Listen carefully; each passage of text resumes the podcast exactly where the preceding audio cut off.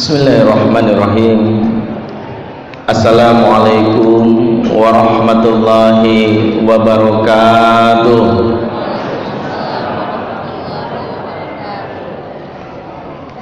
Innal hamdalillah nahmaduhu wa nasta'inu wa nastaghfiruh. Wa na'udzu billahi min syururi anfusina wa sayyiati a'malina. Man yahdihillahu fala mudhillalah wa may yudlil la ilaha illallah wahdahu la syarikalah wa ashhadu anna Muhammadan abduhu wa rasuluhu la nabiyya ba'dah wa la haula wa la quwata illa billah wa ba'd. Ikhwatal iman, a'azakumullah jami'an. Bapak dan Ibu, saudara-saudariku yang dirahmati Allah Subhanahu wa taala, terkhusus saya ingin menyapa anak-anak kita teman-teman cilik adik-adik kecil yang juga diajak meramaikan majelis duha di pagi hari ini. Tak bosan-bosannya kita memohon kepada Allah semoga anak-anak kita kelak akan menjadi pemimpin hebat di masa depan insyaallah. Ma'asyiral muslimin rahimakumullah. Alhamdulillah pagi yang cerah kita bisa berkumpul bersama mengisi akhir pekan kita. Di akhir pekan di akhir tahun Masehi di mana sebagian keluarga sebagian besar merencanakan liburan keluar kota. Sebagian juga alhamdulillah berkenan hadir menghadiri undangan kajian Ahad pagi di Masjid UI ya bisa jadi yang hadir di sini mungkin ya emang nggak punya ongkos buat keluar. Tapi nggak masalah ya hiburan terbaik kaum mukmin di mana dia masuk ke taman-taman surga. Dan taman-taman surga disebutkan dalam hadis adalah majlis zikir. Majlis ilmu di mana di dalamnya disebutkan Allah nama Allah di dalamnya makanya suami kalau pengen ngajak liburan lagi bokeh gampang alasannya. Maukah kamu aku ajak ke taman-taman surga?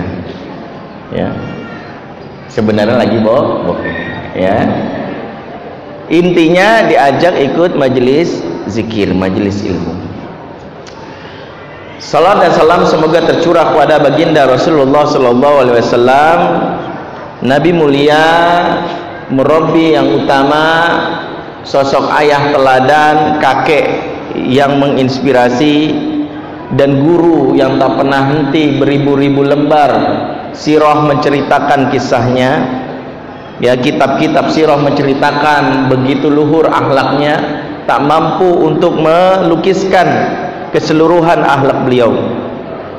Dan semoga kita semua yang hadir di sini senantiasa menjadi salah satu bagian dari umat Rasulullah sallallahu alaihi wasallam di mana kita akan mendapatkan hiburan pertama disediakan disajikan minuman dari surga di minuman dari telaga Haud Al-Kautsar dan Rasulullah sebagai pelayan utamanya. Dan inilah salah satu kegembiraan seorang mukmin ketika di yaumil mahsyar bertemu dengan Rasulullah sallallahu alaihi wasallam Masyaallah muslimin, Bapak dan Ibu yang dimuliakan Allah Subhanahu wa taala, tema kita kali ini terkait dengan tarbiyatul aulad Islam atau al-ubuwah wal umuwatul islamiyah. Pendidikan, pengasuhan menjadi ayah dan ibu di dalam Islam atau disebut dengan Islamic parenting.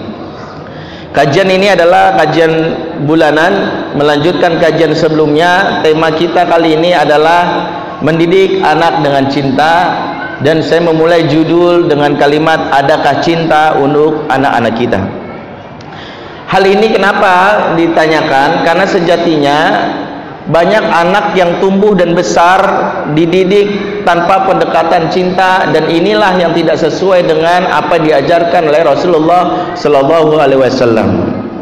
Kenapa demikian? Karena kalau kita melihat ruh inti dari ajaran Islam Sejatinya Islam itulah yang berhak mengklaim sebagai agama kasih dan agama cinta. Kenapa? Karena Allah Subhanahu wa taala sendirilah yang menyebutkannya dimulai dari namanya yang pertama kali disebut di setiap surat selalu dengan Ar-Rahman Ar-Rahim. hampir di setiap surat Allah mengingatkan tentang hakikat dari Islam itu sendiri lewat namanya yang selalu disebut Bismillahirrahmanirrahim dan begitu Rasulullah diutus maka fungsi pertama Rasulullah adalah wa ma arsalnaka illa rahmatan lil alamin. Memberikan rahmah memberikan cinta kasih sayang bukan hanya kepada istrinya bukan hanya kepada anaknya bukan hanya kepada orang tuanya bukan hanya kepada sahabat namun lil alamin. Untuk alam semesta. Semua yang ada di alam raya ini berhak untuk dicintai. Hatta seorang musuh pun dicintai oleh Rasulullah. Apa buktinya? Rasulullah ketika musuhnya menyakitinya Rasulullah dengan cintanya menendoakan Allah maghfir lahum fa innahum la ya'lamun. Ya Allah ampunilah kaumku ampunilah dia. Sesungguhnya mereka tidak mengetahui. Ini dasarnya cinta saya sampaikan ini di pengmukadimah supaya kita memahami esensinya dari agama ini. Sehingga orang-orang yang mendidik anak tanpa pendekatan cinta berumah tangga tidak ada cinta di dalamnya maka ajaran mana yang dia ikuti? Agama mana yang diajarkan? Kalau matanya selalu mendelik tangannya selalu menampar dalihnya adalah untuk menegakkan ad-din menegakkan agama. Sementara baginda Rasulullah SAW justru memulai agama ini dengan menyentuh-menyentuh hati dari setiap kaum-kaum kafirin di kota Mekah. Sehingga tidak ada satupun yang tidak mencintai beliau. Meskipun kafir namun kekaguman terhadap beliau itu dibuktikan oleh mereka. Sebab dasarnya apa? Rasulullah memulainya dengan cinta. Ya. Tadi makanya kenapa ciri orang beriman Allah sebutkan adalah innalladzina amanu wa amilus solihat sayaj'alu lahumur rahman wudda. Sungguhnya orang-orang beriman dan beramal soleh kelak Allah yang maha pemurah nah ini orang beriman sejatinya akan ditanamkan ke dalam jiwa mereka rasa rahman wudda rasa kasih sayang. Hal inilah yang dijelaskan juga bagaimana sosok Rasulullah tadi sudah disebutkan oleh Qori kita dalam surat Ali Imran 159 fabima rahmati minallahi lintalahum dengan sebab rahmat Allah lah. Allah lah yang dengan rahmahnya kasih sayangnya ditransfer kepada utusannya Rasulullah maka Rasulullah pun menunjukkan bentuk rahmahnya dengan apa? Sikap lemah lembutnya. Maka pertama kali Islam itu dikenal yaitu ketika sang dai ustadz ortu menampilkan sejatinya wajah Allah pertama kali yaitu Rahmanir Rahim Makanya bagaimana anak tahu Allah itu Ar-Rahman Ar-Rahim tergantung mula-mula dididik dengan pendekatan apa. Kalau belum apa-apa baru lahir nggak uh, uh, uh, uh, sholat neraka mau uh, dimutilasi sama malaikat malik lima bagian bakar panas. Maka yang muncul adalah eh kurang ajar kami ya uh, sendir sendir baru masuk masjid ustadznya uh, siapa bercanda saya bercanda? Keluar keluar maka pendekatan pertama kali itulah yang membuat anak berpikir Islam ini agama yang menyeramkan. Alih-alih anak kenal Allah Ar-Rahman Ar-Rahim anak taunya Allah itu Al-Mutasyaddid maha galak, maha keras siksanya. Maka kita akan dapati anak-anak yang memandang agama ini dengan sinis. Bukan cinta yang mereka berikan tapi sekedar keterpaksaan. Kenapa lu sholat? Daripada gua disiksa maka kita lihat begitu lesuknya, loyoknya mereka ketika mendengar Islam. Materi pelajaran agama yang dijadikan bahan mainan di sekolah adalah pelajaran agama Islam. Guru ngomong di belakang yang lain asik main kartu. Main gitar. Guru agama enggak diperhatikan. Ya. Tempat yang paling dijauhi adalah masjid sebab banyak ustadz yang tidak meniru Rasulullah. Sahabat Rasulullah bernama Sofwan menceritakan saat dia mulai balik masuk masjid apa kata Rasulullah? Marhaban ya tolabal ilmi. Selamat datang wahai penuntut ilmu. Disambut dengan panggilan marhaban. Ingat marhaban itu panggilan dalam bahasa Arab menunjukkan keagungan tamu yang disambut. Makanya kalau ahlan wa sahlan ini tamu biasa. Ahlan wa sahlan itu tamu biasa ya makanya kalau kita belajar bahasa Arab ahlan wasalan itu buat tamu yang tak diundang. Ya. Kita lagi capek-capek ngantuk tiba-tiba ada teman ngetok pintu buka ternyata agen asuransi. Ya ahlan wasalan ya ujung-ujungnya nawarin nih ada ahlan wasalan minum. Tapi kalau tamu ini yang kita rindukan ada appointment janjian ada ikhwan mengelamar akhwat yang jomblo di sini. Ya pastinya sudah jauh-jauh hari kita rindukan datangnya jam berapa sama siapa berapa orang sukanya makanan apa bahkan disediakan. Begitu dia salah alamat nyasar kita cemas kita telepon ke mana? Begitu datang disambut dengan marhaban ya doifan. Rasul memanggil seorang anak baru masuk pintu masjid dengan marhaban bukan ahlan wasalat sebab Rasul begitu ingin memberitahu kepada anak-anak. Nah kalian di sini itu tamu agung. Kalian yang akan menjadikan masjid ini akan produktif ramai. Kalianlah generasi tunas yang akan menjadikan mujahid-mujahid dakwah. Maka kita lihat anak-anak di zaman Rasulullah karena cinta yang ditanamkan mereka mencintai agama ini. Makanya pertanyaan mereka selalu pertama kali adalah ayul afdalul a'mal ya Rasulullah?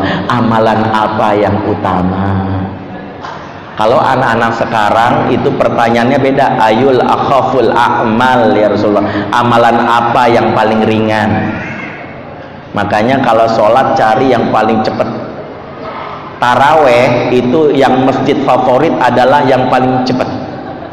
Ya. Dapat kabar masjid sebelah 23 rakaat 5 menit. Hmm, mantap di-share di Facebook. Masjid favorit gue dapat kabar UI cuma 11 rokaat mulai hitungan matematis yang 23 aja 5 menit apalagi 11 dua setengah. Oh, begitu datang imamnya impor dari Saudi. Bismillahirrahmanirrahim. Salam masjid jualan. Basmalahnya aja dilagu-laguin. Waladdo eh udah enam harokat enam harokat panjangan langsung protes ditandain nggak mau. Kenapa? Karena dari kecil tak mendapatkan cinta wajah Allah yang ditampilkan. Sehingga mereka alih-alih semangat jadi remaja masjid. Ayo nak ke masjid. Ogah dulu waktu kecil diusir. Giliran udah gede aja suruh aktif di masjid. Paling suruh ngangkat lekar benerin genteng benerin toa tuh bawa-bawa begitu. Karena dari kecil gak dimuliakan Makanya kalau anak-anak dimulakan di masjid, meskipun ini mungkin ada perilakunya yang menyebalkan, nanti kita cintalah yang pertama kali harus diberlakukan. Begitu Aisyah melihat ada anak main-main di masjid, bahkan main tombak-tombakan, ingin membubarkan, bubar. Apa kata Rasulullah kepada istri terkasihnya? Dahum ya Aisyah, biarin saja ya Aisyah, biarin Rasul justru mencegah dakhum biarkan biarkan mereka. Itulah kenapa Rasulullah SAW disebutkan surat Taubah 128 juga laqad ja'akum rasulun min anfusikum azizun alaihi ma'anittum harisun alaikum bil mu'minina raufur rahim. Sesungguhnya telah datang kepadamu seorang rasul dari kaummu sendiri yang berat tuh memikirkan penderitaanmu. Mikirin karena sayangnya ummati ummati sangat menginginkan kamu beriman dan selamat? Dan amat belas kasihnya lagi penyayang raufur rahim terhadap orang-orang mukmin. Sifat belas kasihnya. Inilah agama kasih sejatinya. Jadi kalau ada lapak sebelah yang bilang kami agama kasih kita yang berhak mengklaim karena inilah yang di Rasul ajarkan. Makanya hadis-hadis juga menceritakan man la yarham la yurham. Siapa yang tidak sayang pada manusia tidak akan disayang oleh Allah. Innama yarhamullah min ibadihi rahmah. Allah hanya menyayangi hamba-hambanya yang penyayang. Ya. Dalam hadis lain riwayat Muslim in inna rifqa la yakunu fi syai'in illa zana min syai'in sesungguhnya rifqa kelembutan kasih sayang ya akan membuat menghias sesuatu itu nampak indah. Namun jika tidak ada maka membuat sesuatu itu menjadi buruk. Maka pengasuhan ini menjadi indah. Kalau ortu memahami prinsip dasar pertama adalah cinta. Prinsip dasar pertama adalah cinta jika cinta tidak meningik pertama kali kita lakukan kepada anak maka kita akan menghadapi generasi anak-anak yang bermasalah. Kenapa? karena kebutuhan anak akan cinta berpengaruh terhadap sikap perilaku mereka di masa depan.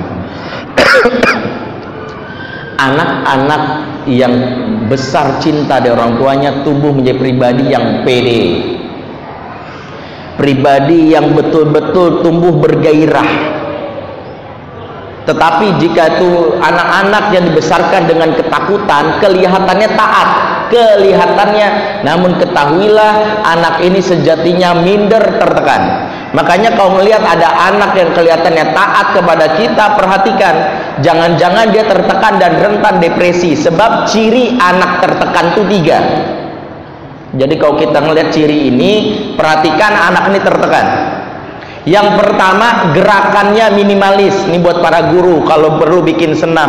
Anak yang tertek anak yang normal kalau senam biasa. Ha ha ha biasa. Kalau anak tertekan hmm. disuruh manjat ngambil buah yang lain lompat. Ha ha kalau dia gitu? Nggak bisa ngambil sesuatu tangannya nggak bisa terangkat gini badannya deketin. Ini ciri tertekan pertama. Yang kedua ekspresinya minimalis. Yang lain kalau ada ketawa spontan. Hahaha kalau dia hehehe. Banyak tertekan di sini. Oke. Okay. dia spontan. Dia hehehe dan yang ketiga ini ciri yang paling parah. Kalau kita dapati anak ini buru-buru konsultasi sama konselor matanya tak berani menatap lawan bicara. Hatta ibu dan bapaknya sendiri kalau ngomong nunduk kita GR ya anak gua soleh godul basor. Sama bapaknya godul basor ini bukan godul basor tertekan saking jiwa terinjak-injak maka jendela jiwanya itu mata tak berani terbuka. Kalau ngomong iya kalau ngomong tuh. Makanya di sebuah sekolah yang saya temui dan saya bisa pahami anak-anak ini makanya anak yang tertekan ini rentan untuk dipengaruhi rentan untuk dihipnotis. Jadi jangan salah ya ahli hipnotis itu sejatinya bukan semuanya bisa dihipnotis. Dia kalau hipnotis itu ngelihat orang-orangnya dulu. Saya belajar juga dulu waktu saya jadi konselor cara menaklukkan anak. Anak yang punya tiga ciri ini gampang dipengaruhi. Ya makanya gampang diikutin. Baik. Nah cintalah yang membuat anak itu tumbuh besar dengan kepercaya dirinya yang membuat mereka berani melewati tantangan. Perhatikan Ibrahim. Saat dia ingin menjembeli Ismail dalam surat As-Saffat 102 apa jawabannya Ismail? Ya abatif alma ya abatif alma tu'mar. Satajiduni insyaallah minas wa ayahku segera perintah lakukan perintah Allah kepadamu. Niscaya kau dapatiku sebagai orang sabar. Said Kutub dalam tafsir fi Zilal Quran menyebutkan dalam ayat ini sejatinya Ismail takut. Sejatinya sebenarnya Ismail takut. Terbukti jawaban dia adalah sami uh, satajiduni insyaallahu minasabirin kalau dia benar-benar berani harusnya jawabannya sami'atu wa ata'tu. Sami'ana wa ata'na. Ini satajiduni insyaallah. Tapi kenapa dia memaksakan diri untuk berani sebab dia merasakan cinta itu ya membuat dia bergairah harus mencoba. Makanya nggak ada anak yang langsung pede itu nggak ada. Tapi cinta dari ortunya lah ketika ditanya menurut kamu gimana? Apakah bisa? Insya Allah siap-siap insya Allah. Dia mungkin cemas tapi dia pede insya Allah. Yang kedua nggak caper. Perhatikan anak-anak sekarang pakai anting tato perlakunya sengaja merusak jadi cabe-cabean jadi terong-terongan semua bermula dari caper Kenapa caper? Karena di rumah nggak dapetin kasih sayang. Makanya kalau kita lihat di kelas ada anak yang bertingkah luar biasa, pendekatannya nanti akan kita bahas terapinya terapi cinta. Saya dapetin ini materinya dari Ibu Eri Sukrisno, guru saya, ya, kawan saya juga. Suatu hari dia cerita dan ceritanya menginspirasi saya. Beliau itu dulu punya sekolah didatengin sama seorang uh, ibu yang ingin mendaftarkan anaknya. Anak ini usianya SMA tiba-tiba dia bilang Bu Eri boleh nggak saya daftar ke sekolah ibu? Ya. Anak saya tapi saya cuman bayar uang bulanannya doang uang pendaftarannya nggak saya bayar dulu kata Bu Eri. Loh kenapa? Soalnya anak saya itu paling di sekolah bertahan cuma dua bulan habis itu keluar lagi. Saya itu nggak mau rugi. Ya orang tua perhitungan banget nih. Ya. tapi jangan seusun dia orang Padang ya saya orang Padang soalnya. Gitu dia bilang ya udah nggak mau rugi. Ya emang kenapa bu? Anak ibu orang kebetulan ya gimana bu anak saya itu nih SMA cowok dia badannya penuh tato. Yang kedua dia pakai anting cowok. Yang ketiga dan ini agak unik ya dia ketua penggemar JKT48 wilayah Bekasi. Ketua wota saya juga nggak nyambung waktu ceritain. Tatoan saya membayangkan tatoan anting terus gini-gini ya nggak kebayang sama saya itu ya nggak bayang. Tapi diceritain oh iya iya iya Terus kalau anak ibu sampai lebih dari dua bulan nih barulah saya bayar bu uang pendaftarannya tapi bulannya dulu ya oke. Di sinilah Bu Eri melakukan pendekatan cinta. Dia kumpulkan semua gurunya, dia bilang kita akan kedatangan tamu istimewa. Pertama jangan pernah nanya kenapa kenapa dulu sama dia. Kenapa tatoan? Kamu nggak tahu hadis Rasulullah mengatakan bla bla bla. Kamu nggak tahu kalau anting itu leman tasyabaha biqaumin atau la'ana la'ana Rasulullah al-mutasyabihina minar rijali binisa tidak jangan tanya dulu. Sejatinya anak ini caper saja. Berikan cinta yang tulus. Maka gurunya dikasih tahu tips-tipsnya. Besok anaknya datang. Biasa. Pertama kali tunjukin tatonya. Gurunya malah salamin terus tersenyum bilang udah makan belum? Nggak ditanya tentang tatonya. Kemudian ditunjukin antingnya malah tanya nanti kamu pulang sama siapa? Gue heran nih anak. Dia mencoba caper nggak dibahas Sampai Ibu Eri itu punya tips, anak ini ketika pulang sekolah dia naik angkot, Bu Eri kalau pulang sekolah naik mobil pribadinya buka jendelanya. Kemudian dia sapa anak itu sambil ngomong, namanya misalnya Iksan. Iksan, I love you full. Mwah. Anak ini kaget ah. Iksan, besok lagi Iksan, I love you full. Mwah. Sampai akhirnya anak ini tiga kali digituin datang ke ruangan kepala sekolah Bu Eri bu bu emang ibu bener cinta saya? Bukan karena saya berondong kan? Ditanya menurut kamu gimana? Ya saya aneh aja bu. Kok bisa ibu cinta saya? Saya kan tatoan. Di situlah Bu Eri nangis. Kamu masih layak dicintai. Apa salahnya? Kamu berhak mendapatkan cinta Allah. Bahkan berdosa saja Allah berikan cinta. Ya Allah nangis Bu Eri. Aneh aja bu. Soalnya mama saya nggak pernah ngomong cinta sama seumur hidup mama saya nggak pernah ngomong I love you is nggak pernah. Saya bingung. Di sinilah perubahan anak ini. Begitu dapat cinta dari seorang guru cintai perhatikan. Begitu di dalam kelas disebutkan Bu Eri kalau gurunya ngajarin tentang suatu amalan nih dia pertama kali jalani duluan walaupun untuk yang lain. Besoknya dicerita bu bu bu aku sudah sholat duha 12 rakaat. Walaupun masih pamer dia menunjukkan sampai akhirnya apa? Setahun dia betah di sekolah itu. Mau nggak mau ortunya bayar uang pendaftaran.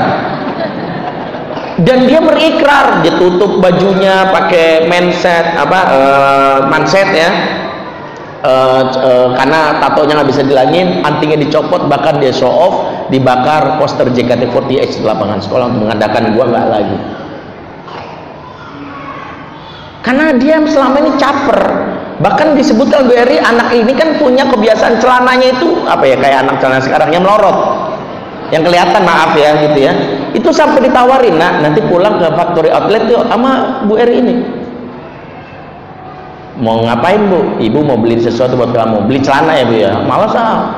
Pasti celananya gede kan aku mau celana kayak gini bu. Melorot dikit loh emang ibu nggak tahu kenapa aku celana melorot gini? Nggak tahu. Sebentar ya bu. Tuh ada beberapa perempuan lagi ngumpul sengaja tuh anak lewat. Celananya dikelorot kan? Apa reaksi perempuan? Ah tuh kan bu enak diteriakin. Kalau aku pakai celana itu nggak ada yang teriakin. Caper. Ntar kita akan bahas dampak dari cinta yang tidak berikutnya berpikir positif dan optimis. Selalu berpikirnya adalah selalu ada jalan keluar. Selalu berpikirnya adalah meskipun ada orang lain memarahinya dia selalu berpikir ini orang bukan jahat. Saya berpikir kenapa ya gini pak? Marah. Karena cinta yang terlalu besar dalam diri dia mencari celah yang positif untuk berpikir. Makanya ortu yang ketika dia marah sama anak ABG-nya keluarlah kalimat mama tuh jahat karena anak belum diikat cintanya sama anak. Lihat Rasulullah dalam sebuah riwayat Usama bin Zaid itu pernah dimarahi Rasulullah saat sebuah perang. Usama itu salah melakukan istihad nggak tanggung-tanggung resikonya nyawa orang jadi taruhannya. Ketika ada musuh terdesak berperang jalan Allah tiba-tiba musuhnya ini hampir terbunuh dia mengucap syahadat. Asyhadu alla ilaha illallah. Malah ditusuk Rasulullah tahu kabar ini kemudian bertanya kenapa kamu bunuh itu orang? Dia mengucap syahadat. Dengan ngeyelnya Usama bilang dia sengaja Rasul ngeles. Munafik itu makanya saya tusuk aja. Di situ Rasulullah marah sebutkan matanya memerah saya bilang kamu bisa belah hatinya nggak? Bisa belah hatinya nggak untuk buktikan bahwa dia itu benar-benar munafik? Saat dimarahin Rasul apakah Usama mutung kemudian dia lari dari Rasul dasar Rasul sotoy gue lebih tahu di lapangan. Tidak pernah demi Allah. Usama itu mengingat pengalaman di masa kecilnya dan ini mengikat dia. Ada momen berharga waktu kecil membuat dia selalu saat dimarahi Rasul dia tahu Rasul itu sangat besar sayangnya sama saya. Yaitu ketika disebutkan dalam hadis uh, Usamah dipangku sama Rasul di paha kanan Hasan bin Ali di paha kiri kemudian dipeluk oleh Rasulullah sambil Rasul mendoakan mereka. Allahumma arhamhuma fa inni arhamuhuma. Ya Allah sayangilah dua bocah ini. Sesungguhnya aku sangat sayang sama dua bocah ini. Tuh bayangkan. Ini hadis disampaikan Usama pada saat dia sudah gede. Ini memori di masa kecil Rasa cinta yang didapatkan dari Rasul membuat saat besar dimarahin dia tetap berpikir positif. Maka perhatikan guru yang belum pernah memberikan cinta saat marah itu justru dia apa yang terjadi anak berpikir nah, emang dasar guru jahat. Ortu yang belum pernah memberikan cinta tiba-tiba menghukum mama ini biarin aja nih cepat mati papa biarin aja cepat cepat stroke. Sebab anak belum terikat hatinya. Makanya pendekatan pertama cinta dulu. Boleh marah nggak? Boleh. Rasulullah pernah marah walaupun tahapan marah dalam Islam itu ada empat jenjang. Ada kurhun, ada sukhtun, ada ghadbun, ada la'natun yang nggak boleh itu sampai ghadbun sampai laknah khusus kurhun dan sukhtun itu boleh. Rasul pernah marah nggak? Tapi marahnya nggak teriak-teriak. Kamu tidak tidak sampai ini tidak. Rasulullah kurhun suktun saja. Uh kamu tuh. Ya jadi ekspresinya seperti itu. Anak-anak yang tidak dibesarkan dengan cinta cenderung negatif thinking. Ya. Berikutnya mudah memaafkan. Ntar kita akan belajar dari sosok Nabiullah Yusuf alaihissalam bulan lalu kita bahas bagaimana dia punya kecerdasan emosi karena limpahan cinta dari ayahnya membuat dia mudah mengatasi marahnya gampang maafin orang. Orang yang nggak bisa maafin membuktikan dalam diri dia cintanya sedikit seperti segelas air yang ketumpahan garam langsung asin. Tapi kalau dalam dirinya seperti kolam atau sebesar samudra atau danau ketumpahan air dua sendok eh garam dua sendok maka tidak akan terasini. Karena lautan cintanya lebih besar maka mudah memaafkan. Berikutnya dia tidak mudah putus asa dan terakhir dia mudah menerima masukan. Oh ya ya. Oh ya. Terima kasih masukan. Tidak tersinggung. Anti kritik menandakan selama ini tidak merasa dicintai. Karena itulah kita belajar dari sosok Nabiullah Yusuf. Ini menarik. Saya sudah bahas bulan yang lalu sosok Yusuf sebagai anak yang tangguh. Anak yang tangguh itu cirinya tiga pertama tangguh melewati kesulitan-kesulitan hidup. Jadi anak belum sebut tangguh kalau hidupnya nyaman terus. Ya ortu terlalu sayang memberikan zona nyaman buat dia. Yang kedua tangguh melewati ujian syahwat. Ditawari digoda jabatan harta tahta wanita dia tetap bertahan terhadap prinsip dia. Yang ketiga ketangguhan seorang anak diuji saat marah mengendalikan emosi dia. Yusuf alaihissalam contoh anak yang tangguh dibuktikan dalam surat Yusuf ayat 92 kita tahu Yusuf dizolimi sama saudara kandungnya. Beda ibu satu bapak mereka cemburu. Makanya akhirnya Yusuf ya atas makar saudara-saudaranya yang lain dia akhirnya direncanakan dibunuh. Gara-gara peristiwa itu Yusuf hampir dibunuh dimasukkan ke dalam sumur hampir mati. Habis itu ditolong orang jadi budak lompat sama persini bertahun-tahun Yusuf tidak bodoh. Dia tahu penyebab utama yang membuat hidupnya sial apes. Itu saudara-saudaranya nih. Dia mengalami itu. Begitu dia sudah jadi penguasa begitu dia jadi seorang menteri seorang wazir bendahara negara sudah jadi penguasa? Eh saudaranya yang udah lama nggak ketemu yang pernah menzolimi dia menyakiti datang ketemu.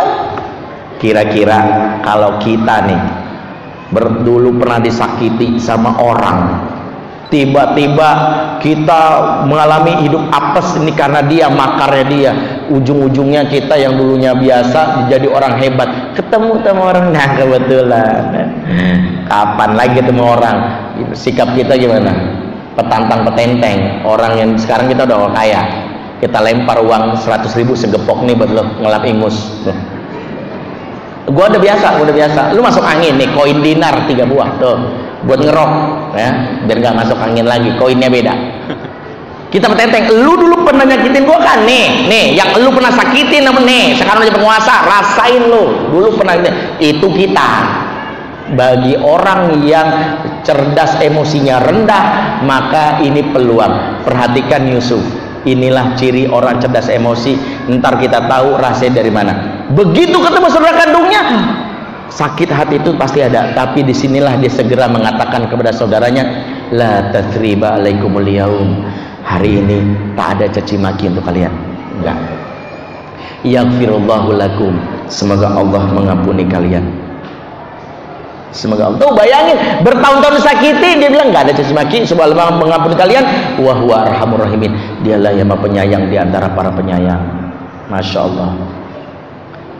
Luar biasa. Yusuf tahu dia mudah saja. Intinya apa? Dia mencegah lisannya maka dia bilang la tasriba alaikum enggak ada caci maki dia tahu pintu pertama orang yang kalah marah lisan yang tak terkontrol. Maka ciri orang yang emosinya cerdas adalah mampu diam di saat marah. Ya asal jangan diam-diam nabok bukan. Diam-diam bacok bukan. Suami saya marah ustaz diam-diam diam-diam nikah lagi. Bukan.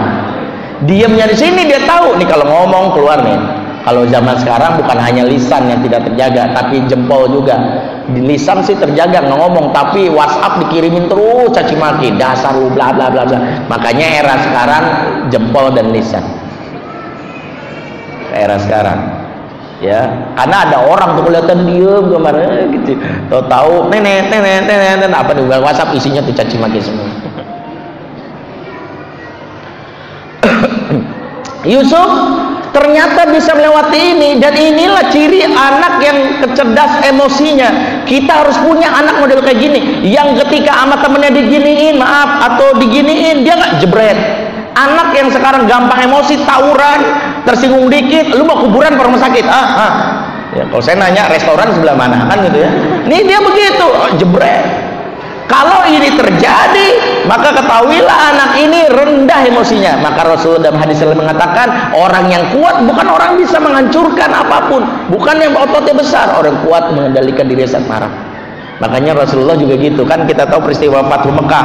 Saat Rasul membawa 10.000 pasukan dikasih tahu kepada para pasukan eh, para kaum Quraisy Rasul bawa 10.000 pasukan. Wow orang kafir Quraisy yang dulu pernah nyiksa Rasul ketakutan. Wah habis kita habis. Dulu pernah lakukan apa Rasul? Saya pernah lempar kotoran unta. Wah dipenggal lo dipenggal.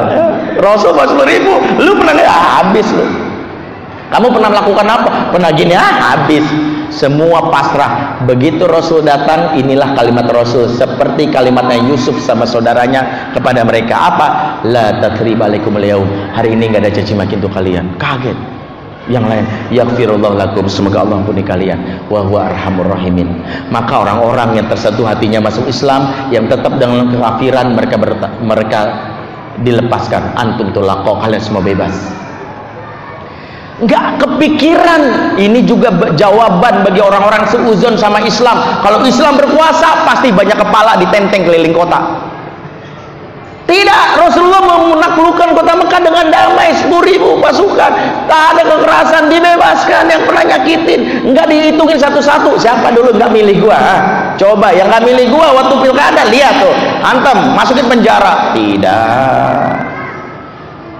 Rasul makanya kalau kita ciri orang cerdas emosi mampu memilah Ali bin Abi Thalib suatu saat ketika dia marah karena agamanya dihina dia bertarung sama seorang musuh di jalan Allah. Tak tak tak. Musuhnya terdesak begitu mau dibunuh tiba-tiba ngeludahin Ali. Wih!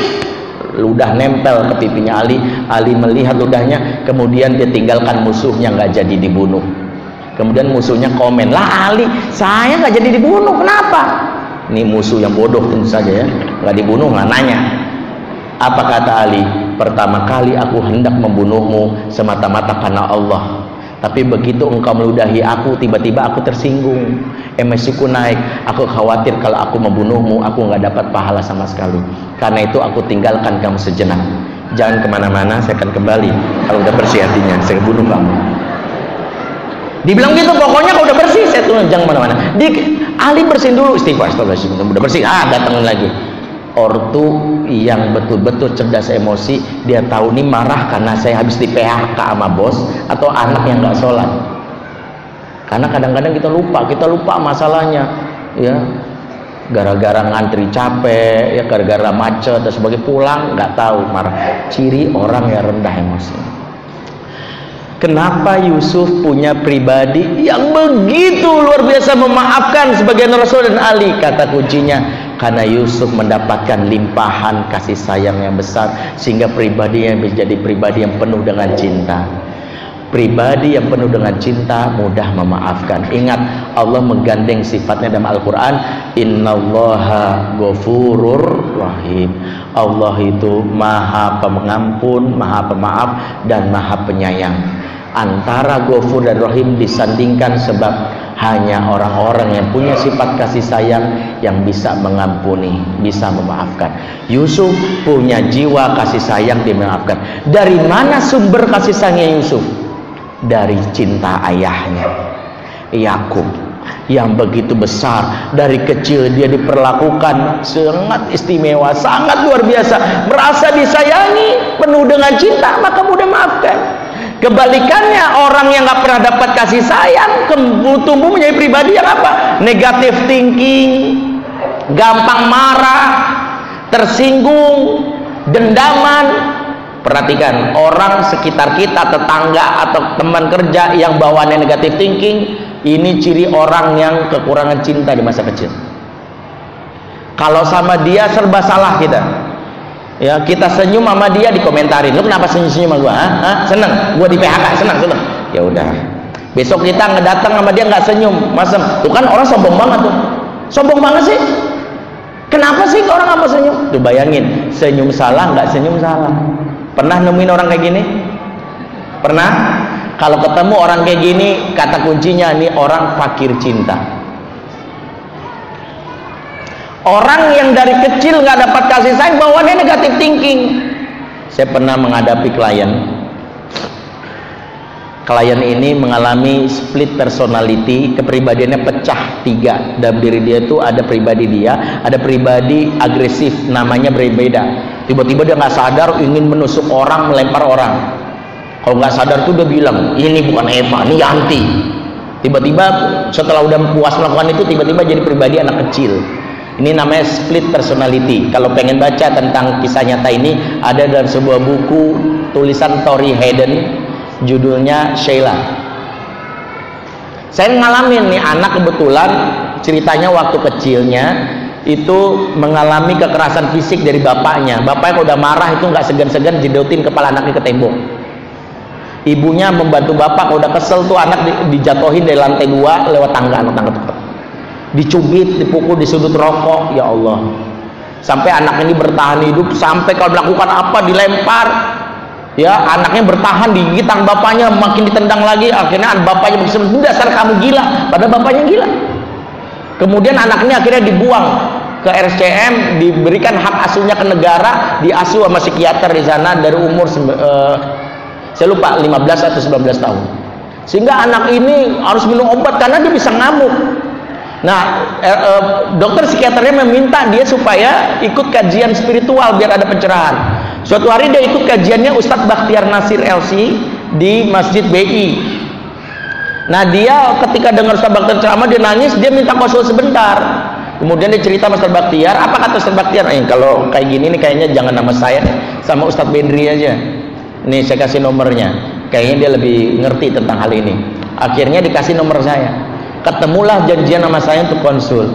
Ketika ketemu nih saya udah duga nih anak kayaknya emang fakir cinta istilah saya itu. Karena bawaannya sini saja. Memandang mata saya baru datang matanya gini. Yang kedua omongan saya selalu dianggap salah. Pertama kali nih baru terkenal omongan pertama dia apa pasti konsul sama ustadz mahal ya. Saya bilang enggak kok gratis. Allah pencitraan gue bilang mahal terus salah juga. Gue bilang gratis pencitraan. Gue bingung juga. Ya emang negatif thinking. Saya bilang ini udah ini, ini orang fakir cinta nih. Ini bener dia cerita masa kecil dia. Saya tahu teknik terapinya nama terapinya terapi cinta. Cuman nggak mungkin saya kasih. Pasti istri saya ngamuk nih anak mau 19 tahun perempuan. Ya. Ya. 19 tahun perempuan. Oh Ustadz ngincer kayak gitu dengan dalih terapi wah parah kalau kayak gitu. Di situlah saya kepikiran istri saya lagi hamil tua anak keempat. Nih saya ceritain. Boleh nggak Umi bantu Abi? Istri saya kebetulan sarjana psikologi. Ya udah. Istri saya datang dan pada hamil tua datang ke Akal Islamic Center. Nih anak langsung dibawa ke ruangan. Istri saya standar psikolog tuh tesnya tes apa ya? Gambar. Staff saya saya suruh dirautin dong pensil. Dirautin ketajaman ditaruh di sebuah tempat sama kertas polos. Di tempat itulah mereka berdua istri saya sama klien saya. Tiba-tiba klien saya ini berubah. Tahu-tahu dia ngamuk. Diambil pensil langsung. Ibu jangan macam-macam saya bunuh. Kaget istri saya. Ya. Terus dia bilang ibu ini berani sekali. Di UI itu eh, di, di RCM saya nanganin tiga orang bu. Ibu sendirian doang. Laki-laki saya udah ngamuk. Buatan saya tiga laki-laki langsung istri saya tersenyum sambil bilang saya nggak takut sama kamu kata istri saya. Dia makin marah itu macam-macam saya, busuk, saya, saya bunuh. Saya nggak takut kenapa? Saya kemarin mau memberikan cinta sama kamu. Apa kamu tega bunuh orang mencintai kamu? Kamu ibu jangan bohong baru kenapa udah cinta sama saya. Kata istri saya gini eh bayangin ya saya ini lagi hamil tua rumah saya di Babu Apus ini di Tebet jauh panas logikanya ngapain saya bela-belain? Jauh datang kemari kalau bukan karena cinta. Di situlah tangan anak ini bergetar jatuh nangis tiba-tiba dia berubah jadi karakter anak kecil minta dipeluk. Di situlah akhirnya ada cerita semuanya. Inilah yang terjadi. Lambat laun memang anak ini jadi caper dia butuh dengan cara menjodorkan kepalanya ke tembok pengen istri saya datang ya, walaupun kata jamaah yang lain sih jedotinnya nggak bener-bener buktinya nggak sampai pecah palanya gitu. Pokoknya ini caper aja. Kesimpulannya akhirnya istri saya merekomendasikan harus dibikin komunitas dia merasa dicintai. Di situlah alhamdulillah Ustadz Baktiar Nasir bilang kita semua aja mencintai dia. Sampai menyebut kami boleh panggil abi boleh panggil kakak dia dilibatkan. Alhamdulillah ada seorang ikhwan yang begitu luar biasa meminta dia sebagai istrinya. Saya udah kasih wanti-wanti begini begini orang begini begini orang. Suruh datang ke psikiater. Ikhwan ini tetap insya Allah tetap Ustaz. Insya Allah tetap. Akhirnya karena dia udah ambil resiko itu nikah. Nikah seminggu pertama udah dilemparin batu sama istrinya itu sampai kaget dia. Saya nggak saya nggak paham kalau sedahsyat itu Ustaz. Saya pikir dia bakalan cerai. Enggak enggak. Lukanya kecil. Gitu itu ya Allah tuh luar biasa. Suami ini sampai bela-belain keluar dari kantornya cuman di rumah saja. Web design IT istrinya bahkan maaf maaf sekali nggak mendapatkan hubungan intim selama nikah tapi cinta sabar. Sampai suatu hari dibawa istrinya ini ke setelah pernikahan 6 bulan ke kampungnya di kali istrinya tiba-tiba ngambil batu dilemparin suaminya. Begitu berdarah istrinya langsung nangis sujud maafin saya. Istilah suaminya kok kamu sadar? Iya aku tadi lempar batu. Di situlah dia senang Sebab menurut psikiater Tanda dia sudah mau sembuh Kalau dia sudah marah dalam keadaan sadar. Kenapa? Karena cinta. Suaminya sabar Di sinilah kenapa anak-anak yang sekarang tumbuh semakin dikerasin, semakin cinta. Kita sayang sama anak jalanan, anak cinta. Kalau hatinya tersentuh, ingat pepatah Arab al-ihsan yujizul insan. Kebaikan kita akan menaklukkan hati manusia. Saya punya pengalaman. Sudah jam berapa? Hah? 8.15 uh, eh, saya itu nggak bisa kalau kajian pagi itu sampai jam 9 udah saya kasih tahu. Saya selalu jam setengah 10 ada jadwal di luar. Jadi mohon maaf kajian pagi biasa jam 9 saya khusus saya saya mohon cuma sampai setengah 9 paling lambat 8.45 ya karena saya harus cabut lagi. Ya. Gini saya punya pengalaman dan ini jadi pelajaran buat mungkin sebagian di sini sudah pernah dengar kisah ini. Saya dulu jahil. Jahilnya ini saya ustadz yang sejak SMA sudah jadi ustadz saya sudah kuliah di mahat jenggot saya lebat. Yang orang bilang saya orang bermutu bermuka tua maksudnya. Saya itu berdakwah ke adik saya itu caranya keras. Adik saya itu kalau lagi nonton sinetron saya matiin. Gozul Fikri itu saya yang jahil nggak sholat saya pukul. Sholat. Nggak pakai jilbab saya pakai jilbabnya. Begitulah cara saya yang bodoh ini. Saya begitu sama adik saya karena saya malu. Ustadz kok adiknya sendiri nggak diatur? Bapak saya kena penyakit stroke jadi saya nggak mau adik saya ini. Ulang perempuan cantik dan dia kena pergaulan yang bebas. Adik saya selalu pendekatan itu sampai akhirnya adik saya itu suatu hari dan ini yang membuat saya tersadarkan. Kenapa cara saya salah? Ketika dia kelas 6 SD mau belajar eptanas misalnya eptanas belajar kelompok diizin bang nanti pulangnya jam eh, jam 9 ya eh jam 7 malam ya. Oh, ada belajar kelompok saya bilang paling lama jam 7 awas. Kalau nggak lewat, lewat jam 7 rasain aja. Itu saya yang jahil dulu belum punya handphone kita. Tahun 98 saya ingat itu. Apa yang terjadi? Adik saya benar-benar perempuan pulangnya jam 7 nggak pulang juga. Kesel saya. Nunggu depan pintu. Jam 8 nggak pulang gondok. Sudah siap marah. Begitu jam 9 sampai rumah desibel saya suara saya naik. Kamu bisa nggak dibilangin? Emang kamu tuh susah banget jadi adik. Ketika saya mau tampar Tiba-tiba adik saya menggigil ketakutan dan nangis. Apa kata adik saya? Kenapa sih abang kalau oma orang lain bisa senyum sama aku enggak? Kenapa sih abang kalau orang lain sabar kalau sama aku enggak? Aku tuh adik loh bang. Kenapa sih aku dianggap musuh? Abang mau udah gede kita jadi musuh. Kalau mau tunggu aku gede kita musuh beneran. Kalimat adik saya itu itu yang membuat saya tersadarkan. Saya marah tapi nggak bisa nampar dia saya ke kamar saya hancurkan semua yang ada di kamar. Karena saya nggak bisa ya Allah ya Allah.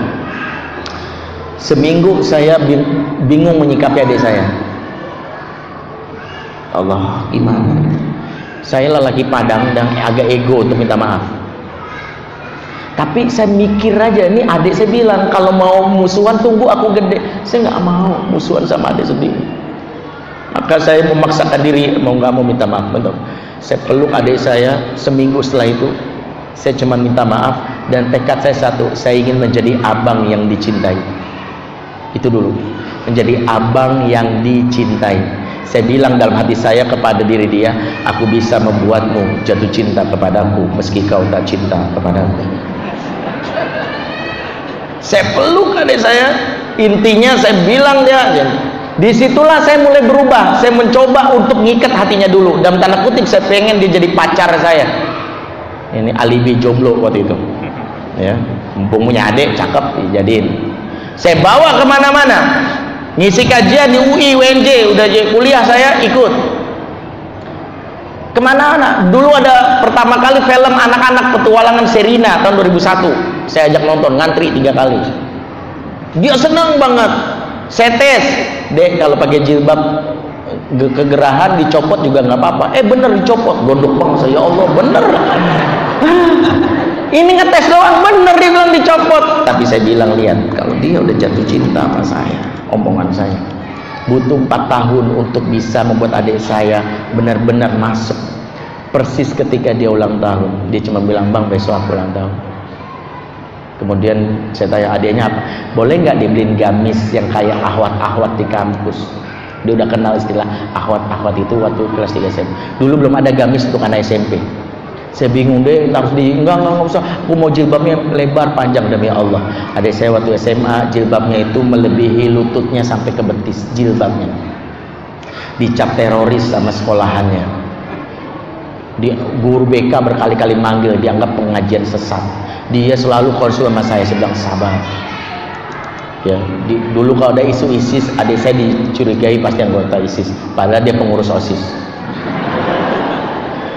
Langsung qadarullah sekolah tuh suatu saat ngadain maulid nabi dan sekolah ngundang saya sebagai penceramanya kebetulan udah nih maulid nabi selama ini saya nggak pernah ikut. Kali ini momen biarin. Ya semua saya batalin. Demi untuk nasehatin gurunya. Saya hadir ceramah itu saya babat cerita itu tentang bagaimana pengaruh dari pandangan orang terhadap Islam guru yang sentimen sama orang dekat Islam sama yang pacaran justru biarin habis itu gurunya ngajak ngobrol dia nggak tahu. Dicerita ada seorang anak sini bla bla bla bla. Akhirnya saya kesel. Sedang itu adik saya. Langsung kaget dia. Saya pikir ibunya kapok nggak akan undang saya. Ternyata saya berkali-kali diundang. Lulus SMA adik saya minta dicarikan jodoh. Akhirnya nikah sama binar saya Kementerian Keuangan. Masuk sastra Arab UI tahun 2008 satu-satunya mahasiswa UI yang sudah menikah dan punya anak. Lulus tahun 2011 setelah lulus di SMS saya. SMS itu ada di handphone saya yang lama dan hilang. Saya hilang nang, hilang tuh nangis bukan karena handphonenya tapi karena ada pesan yang tidak saya selamatkan SMS bunyinya sederhana dia bilang gini makasih ya abang yang mengenalkan Islam dengan cinta saya tahu wajah Allah yang ar-Rahman ar-Rahim dan wajah abang yang selalu sabar senyum. Abang menampilkan bagaimana Islam itu begitu cinta. Allah begitu cinta. Kalau dulu aku pernah bilang ingin jadi musuh bagi abang demi Allah aku ingin jadi adik bagi abang di dunia dan akhir saya SMS itu yang membuat saya sadar seandainya saya tidak berubah 15 tahun lalu saya akan mendapati adik saya seperti musuh. Ini yang saya bilang sama istri saya. Anak kita lebih berhak dapat cinta kita daripada orang. Kalau kamu bisa senyum-senyum dengan curhatan orang anak kita lebih berhak. Kalau kamu bisa sabar dengerin orang lain anak kita lebih berhak. Kalau kamu bisa menahan marah orang lain keselin banget anak kita lebih berhak jangan sampai anak kita tumbuh. Menganggap kita ortu yang gak punya cinta. Inilah kata kuncinya. Makanya ketika anak gak punya cinta maka ibu-ibu makan Allah waduh saya salah slide. Oh, salah. Harusnya gini slide-nya ketukar. Apa bentuk cinta yang diharapkan anak cinta. Tuh, tuh, kayaknya cinta itu bermula dari ini persepsi. Saya ingin bilang gitu. Banyak orang bilang saya cinta. Malah saya ustad gak mungkin saya gak cinta. Makanya saya melakukan itu. Ingat cinta itu bukan terkait apa yang kita berikan tapi apakah mereka merasakannya. Ini persepsi. Sebab saudara-saudaranya Yusuf itu kenapa dendam sama Yusuf? Dan itu padahal dia pastinya dicintai sama Yakub karena persepsi dia. Persepsi inilah yang disebutkan dalam surat Yusuf ayat 8 ya id qalu la yusufu wa akhuhu ahabbu ila abina minna. Sesungguhnya Yusuf dan Bunyamin saudaranya lebih disayang ayah dibandingkan kita. Ini persepsi dia. Nggak mungkin Yakub nggak sayang. Tapi dia merasa tuh Yusuf disayangin makanya ada anak yang ortunya merasa saya cinta sama dia tapi dia nggak merasa dicintai. Sebab ortu tak mewujudkan cinta dalam bentuk yang diharapkan anak. Maka penting kita untuk mengurai apa sih bentuk cinta yang diharapkan oleh anak. Yang pertama karena waktu terbatas ucapan. Jangan ragu untuk ngomong, ngomong duhai my love cintanya Umi jagoannya Umi Umi sayang sama kamu.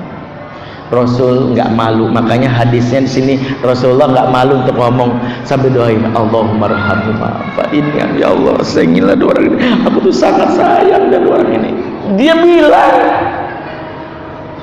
makanya ortu yang lisannya terlalu kaku ayah yang gak pernah nembak anak wanitanya sampai bilang duhai putrinya ayah ini anak caper udah gede jadi cabe-cabean karena ayah gak mengikat hatinya. Dia kebetulan ketemu cowok yang merayunya itu cowok yang menjadi pengikat hatinya. Cinta ucapkan Makanya ketika dalam hadis ada seorang sahabat bilang sesungguhnya ini uhibbuka fillah, ini uhibbuhu fillah. Rasul saya menyayangi dia karena Allah. Kata Rasulullah, kamu alam tahu? Apakah kamu sudah nyampaikan ke dia? dia bilang belum. Sampaikan, ilam, kasih tahu. Disuruh nyampein, bahasa anak sekarang nembak. Ini yang hadis ini dipelintir sama anak ABG sekarang yang ababil. Tuh Rasul aja nyuruh nembak pada konteks hadis ini nyatakan cinta sama saudara mukmin. Sebab cinta harus diucapkan.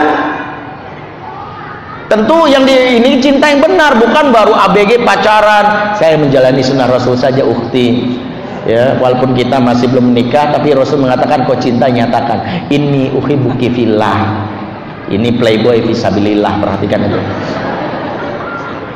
Ngaco yang kayak gini. Bukan.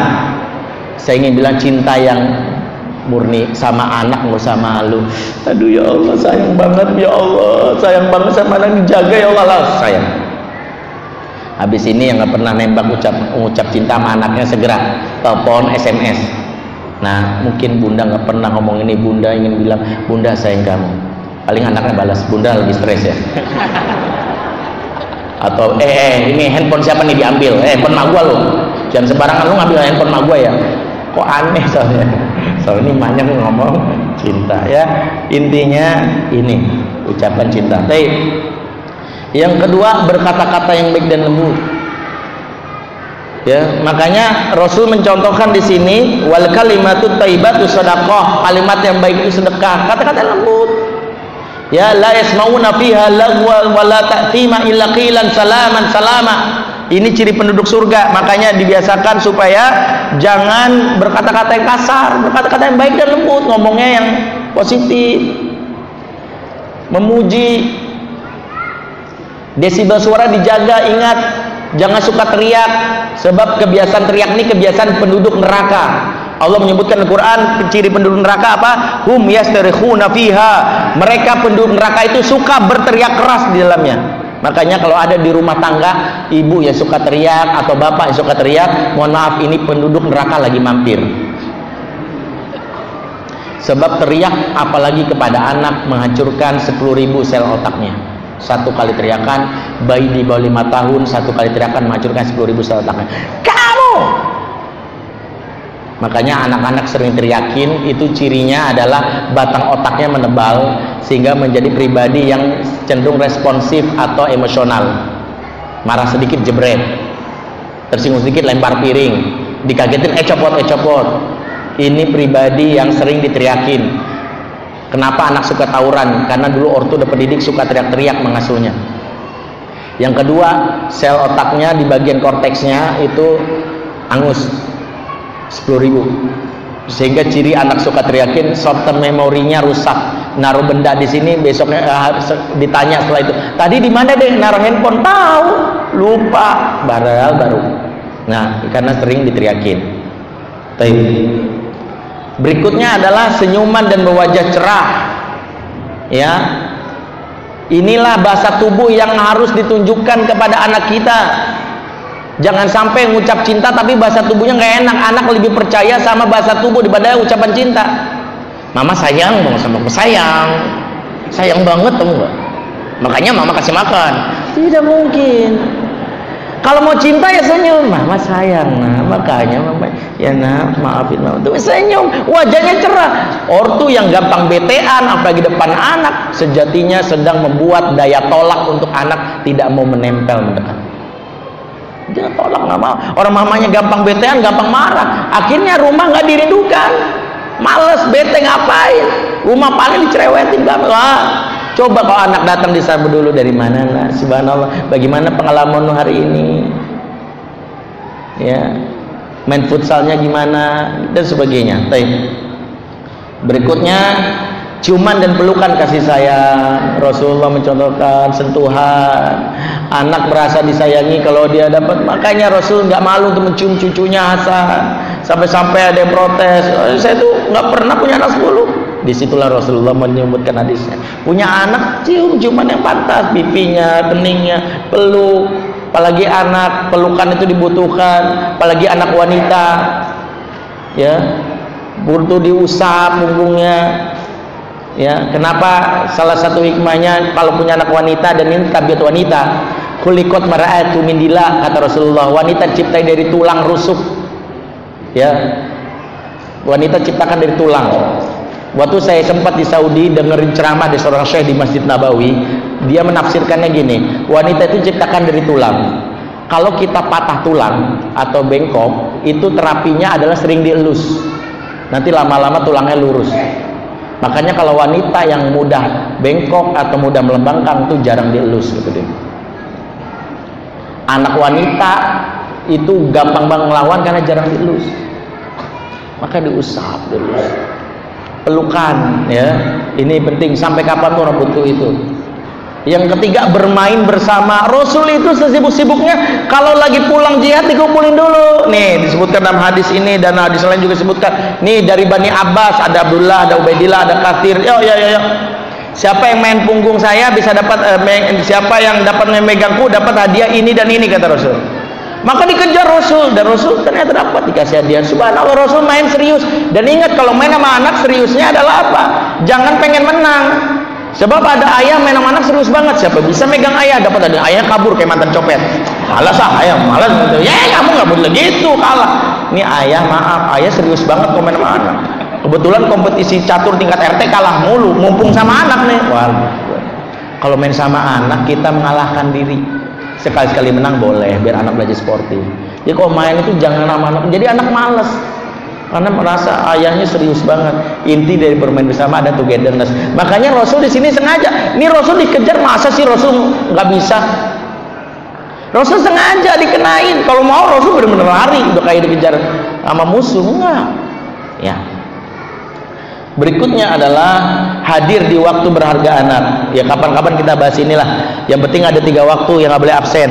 Saat sedih Rasul seorang anak bernama uh, Abu Umair sedih maka Rasul mendatanginya. Kenapa dia sedih? Karena burung pipitnya baru meninggal. Maka ditanya ya Abu Umair ma falan nugair tuh? Makanya kalau anak lagi sedih di, harus ada ortu yang mendampingi. Sebab anak lagi sedih butuh sandaran jiwa yang hadir saat itu superhero nya bandar narkoba tuh datengin anak lagi galau. Predator seksual lagi datengin anak lagi galau sedih. Lewat status akun di Facebooknya yang ini makanya kalau lagi sedih harus ortunya. Jangan orang lain. Yang kedua lagi sakit. Rasul mencontohkan ada seorang anak Yahudi sakit datengin hatinya mudah disentuh.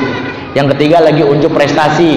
Rasul mencontohkan lagi Bani Aslam lagi main memanah. Kemudian Rasul lewat dan memotivasi dan kalimat irmu ya Bani Ismail innahu kana abakum romian. Maka kalau pengen anak merasa cintai anak lagi mentas di sekolah nggak boleh absen. Sebisa mungkin walaupun tampilan tarinya cuma 5 menit ya katanya dua, dua bulan nari tapi gerakannya sama musiknya bergak beraturan. Jangan marah karena begitulah anak-anak. Ya sudah yang penting hadir. Sebab bukan tepuk tangan temannya bukan tepuk tangan gurunya tapi tepuk tangan dari or uh, ortunya ini. Makanya kalau anak lagi mentas bun aku besok mau uh, tampilan haflah uh, uh, hafalan Quran. Jangan sampai absen. Hadir ini tanda anak hadir berikutnya memberi hadiah tahadu tahabu dan beri hadiah nggak usah pakai syarat. Kalau anak kasih hadiah lagi uh, ulang tahun tuh udah biasa. Kalau anak dikasih hadiah pas dia uh, berprestasi biasa. Kasih hadiah di saat-saat yang tidak terduga. Anak lagi butuh ini kelihatan ah beli ah ini kayaknya lagi seneng dia nih. Beliin pas pulang dikasih. Nina apa nih bi apa nih ya ini ayah beli mainan uh, Lego kamu kayak seneng emang aku ulang tahun enggak Emang aku uh, habis prestasi apa enggak? Kok aku dapat hadiah? Karena ayah sayang kamu. Makanya kalau ngasih nggak perlu pakai syarat, udah itu berpesan. Kasih aja. Karena ayah sayang kamu. Kasihlah sesuatu yang dibutuhkan. Ya habis ini silakan mampir ke Margo City ya lagi ada iPhone 6 lagi diskon kayaknya. Beliin buat anak. Oke. Okay. Oke. Okay berikutnya doa. Entar lu sebenarnya ini ada persennya kembali harusnya ini dulu nih. Memberikan rahasia. Rasul mencontohkan berikan rahasia. Jadi jangan sepele untuk setiap anak punya waktu privat kita bisik-bisikin. Gak bilang sama siapa ya. Kamu tuh istimewa di hati ayah. Padahal sama adiknya kita ngomong gitu juga. Tapi dia nggak akan bilang Makanya Rasulullah mencontohkan nih, Abdullah bin Ja'far bilang, sampai hadis ini nggak dikasih tahu rahasianya apa, sampai sekarang nggak ada yang tahu. Cuman dibilang Rasul tuh bisik-bisik sama saya. Rasul ngasih sebuah hadiah tuh. Ini anak tuh seneng, makanya kenapa permainan kuda bisik itu senengin anak TK. Khususnya kalau ngomong itu di sebelah kanan ya anak teras. Sebab salah satu ciri anak yang dicintai diberikan kepercayaan, salah satunya rahasia kita dikasih tahu. Ya, jangan. Yang terakhir doa nih kebalik slide-nya. Doa itulah sejatinya. Cinta khusus dari ortu jangan sampai absen dalam mendoakan anak karena inilah cinta sejati orang tua. Ya. Jangan pernah putus asa. Hari ini sudah berapa kali kita doa? Doa itu jangan berpikir uh, berapa kali kau dikasih. Doa itu bisa jadi hari ini doakan belum berubah tapi di untayan doa kesekian insya Allah tembus ya bisa jadi di untayan doa yang ke seribu barulah anak berubah. Dan doa itu sunnahnya itu di depan anak. Jadi ini saya kasih tahu Rasulullah kalau berdoa itu ada dua. Berdoa pertama kali malam hari memohon kepada Allah nangis-nangis. Yang kedua di depan anaknya Rasul banyak mencontohkan misalnya ada seorang anak baru masuk Islam. Apa doa Rasulullah? Al, al, alhamdulillahilladzi anqadhahu minan nar. Segala puji bagi Allah yang membebaskan dia dari siksa neraka. Kemudian tadi doanya kepada uh, Usama Allah Allahumma arhamhuma fa inni arhamhuma. Sama Abdullah bin Ja'far. Allahumma barik fi baihi sama uh, sama Rafi bin Amr Al-Ghifari. Allah ma'asbi abatnahu ternyata kalau mau doa itu di depan anak. Kenapa Imam Nawawi mengatakan doa depan anak itu manfaatnya tiga? Yang pertama mengajarkan tauhid. Ayah meminta sama Allah nak bukan ke Ki Joko Bodo atau ke ke mana? Ki Gendeng Pamungkas bukan. Yang kedua mengajarkan kepedulian. Ini ayah tuh sayang maka doain kamu. Orang tuh seneng kalau didoain. Makanya anak yang ketiga memberitahu harapan makanya kalau anak mau sekolah nah ayah mau doa dulu. Ya Allah mudahkanlah dia menerima ilmu jadikan dia anak yang soleh amin. Dia tahu didoain. Tapi ingat doa sama anak jangan panjang-panjang dan pikir tahlilan. Ntar ayah mau doa dulu ya. Allah mana ya ini mah nih kayak kemarin? Bukan doa sama anak tuh singkat aja. Kadang ayah semua doanya dikeluarin. Bukan sama anak cukup tiga kalimat. Ya Allah sayangilah dia berkailah hidupnya amin. Selesai ya. Saya pikir itu saja. Anak yang sudah terikat cintanya nanti ketika dewasa itulah ketika kita mulai marah menegas pada anak anak tidak keluar dari zona cinta kita. Dia tetap berpikir positif. Rasulullah pernah menjewer seorang anak namanya Buraidah gara-gara dia memangkan anggur pada amanah di tengah jalan dijewer. Apakah dia marah rasa membenci? Tidak. Cinta Rasulullah menyelimuti dia. Kalau kita sudah memberikan cinta sekalinya marah anak sadar. Ini udah kelewatan sini. Sampai-sampai ayah yang dapat selama ini itu marah. Insya Allah dia nggak akan keluar dari cintanya ayah. Mudah-mudahan bermanfaat kajian kita kali ini. Bulan depan kita akan lanjutkan dengan kajian yang lain. Bila taufik wa wassalamualaikum warahmatullahi wabarakatuh